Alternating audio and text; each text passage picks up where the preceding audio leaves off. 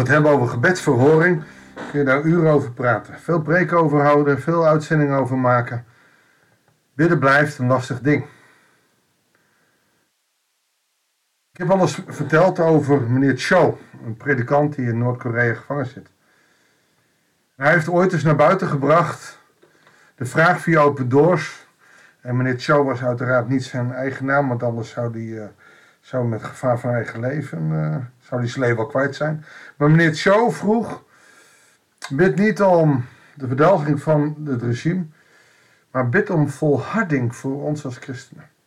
En volharding is een van de dingen die wij ook in Nederland of in het Rijke Westen als Westerling, als Nederlanders, als christenen gewoon nodig hebben. Volharding in het gebed.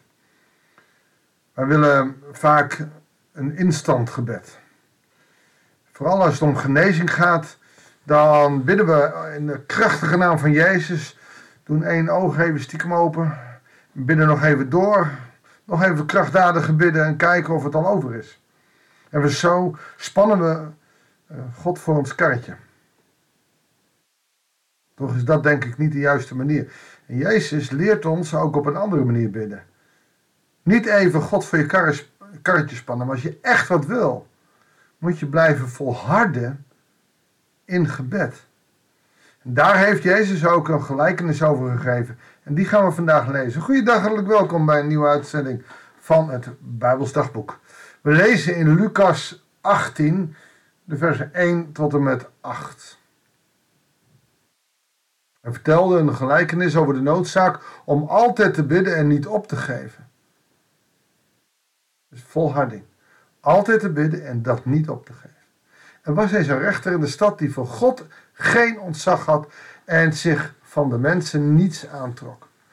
Er woonde ook een weduwe die in de stad, in de stad die steeds weer naar hem toe ging met een verzoek: Doe mij recht in het geschil met mijn tegenstander. Lange tijd wilde hij dat niet doen. Ten slotte zei hij bij zichzelf: Ook al heb ik voor God geen ontzag en trek ik me van de mensen niks aan, toch zal ik die weduwe recht verschaffen, omdat ze me last bezorgt. Anders blijft ze eindeloos bij me komen en vliegt ze me nog aan. Hé, een wijze rechter, maar hij is bang voor een vrouwtje. En toen zei de Heer: Luister naar wat de rechter zegt. Al minacht hij ook het recht. Zal God dan niet zeker recht verschaffen aan zijn uitverkorenen, die nacht en dag tot hem roepen? Hij hoort hen immers geduldig aan. Ik zeg jullie dat hij een spoedig recht zal verschaffen. Als de mensenzoon komt, zal hij dan geloof vinden op aarde? En hier zie je twee dingen. Een prachtig mooi verhaal, een gelijkenis. Hè? Blijf volharden in gebed.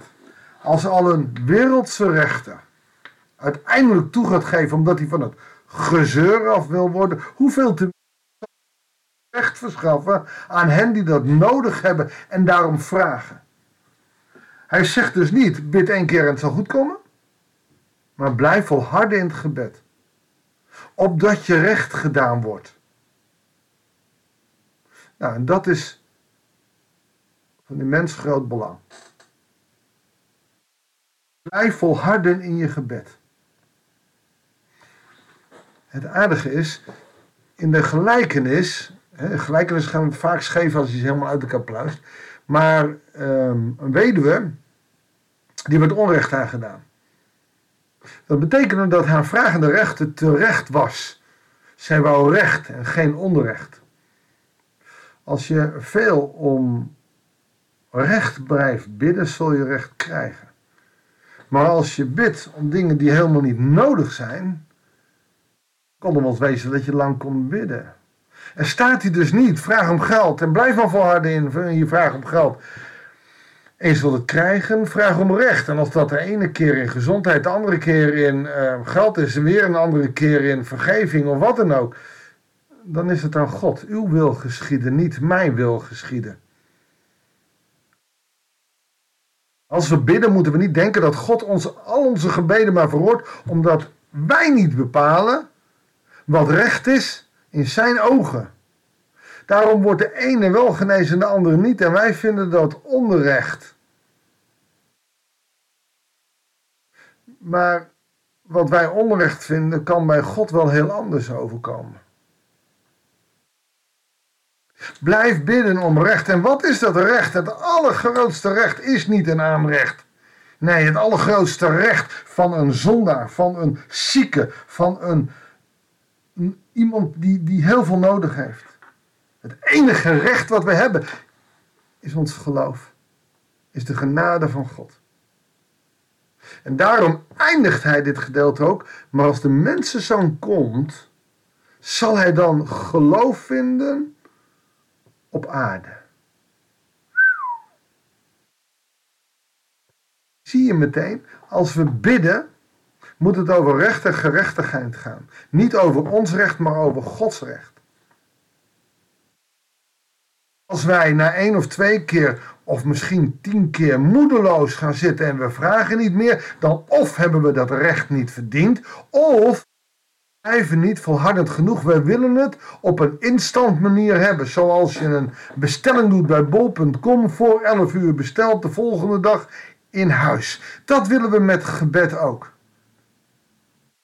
Maar het gebed van een gelovige die volhardt in bidden, die oprecht om recht bidt, en niet alleen maar dingen voor zichzelf, maar ook recht voor een ander, is een christen die geloof heeft.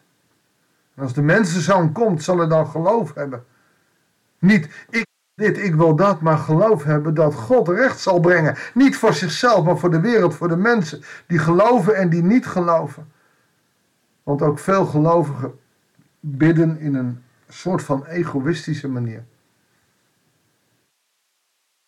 En dat is niet zoals het hoort. Maar als de mensenzoon komt, en hij is natuurlijk al gekomen, uh, maar goed, het is Jezus die zelf dit zegt. Dus hij geeft nog eens aan, hé, ik kom terug. Als de mensenzoon komt, dan zal hij recht verschaffen. Dan komt er een nieuwe hemel en een nieuwe aarde. En ieder die volhardt in zijn geloof, volhardt in zijn gebed, zal een plek krijgen. Want in het huis van mijn vader zijn vele woningen. Maar dat is voor mensen die volharden in hun geloof. Niet die na twee keer teleurgesteld zijn dat God hun wensen, hè, dat God hun wensen niet vervult. God is geen Sinterklaas waarin je je waslijstje mag geven. God is een God van recht en gerechtigheid. Alleen zijn recht is niet mijn recht. En als mijn recht past in zijn recht, zal hij mijn gebed verhoren. Alleen dat is aan hem, niet aan mij. En je ziet dat je alles mag bidden, maar dat je niet alles krijgt. Het is aan God om ons gebed te verhoren. Dus als jouw gebed niet uitkomt, blijf volharden. En als je blijft volharden en er gebeurt niks, dan ga je vanzelf nadenken: is dit wat echt recht is? Is dit wat God zou willen? Heel vaak kom je dan tot zaken dat je denkt, nou, misschien ook wel niet. Misschien moet ik het anders doen. Of... Daarom moeten we altijd blijven zoeken naar de wil van de Hemelse Vader in ons leven. Weet je, en dat is niet volharden in alleen maar blijven bidden om genezing, maar dat is vooral blijven bidden om genezing van ons hart. Want daar eindigt dit uh, gebed mee, of dit gedeelte, deze gelijkenis. Vindt de mensen zoals ze komt geloof aan. En de de genezing, hoe je het ook went of verkeerd, is de genezing van het hart. Dat jouw hart de Heer Jezus leert kennen. Dat jij blijft volharden om de Heer Jezus te kennen. Ook al snap je er soms helemaal niets van. Dat is wat God belangrijk vindt. Dat is wat Jezus ons hier vertelt. Blijf bidden. Als jij het gevoel hebt dat je in je recht staat, dan mag je blijven bidden. Maar blijf bij dat bidden ook altijd zoeken naar de wil van de Hemelse Vader. Durf kritisch te zijn. Want als jouw mening net even hmm, een andermans mening is, nou, zo so wat. Wees standvastig in je geloof. Wees volhardend in het gebed. Bid om de kracht van de geest dat Hij je helpt om te blijven volharden in bidden. Heere God, zo komen we bij u. Ieder ons eigen ding. Maar het belangrijkste is dat u ons recht geeft zoals u beloofd heeft. En of dat nou is in ons eigen belang of voor een andermans belang. Heere God, uw recht is Het recht voor de wereld. Niet alleen maar voor mij en mezelf en ik. Heere God, geef ons zo de moed en het lef om te volharden in gebed. Dat bidden we u in Jezus' naam. Amen. Dankjewel voor het luisteren. Ik wens je God zegen en heel graag tot de volgende uitzending van het Bijbels Dagboek.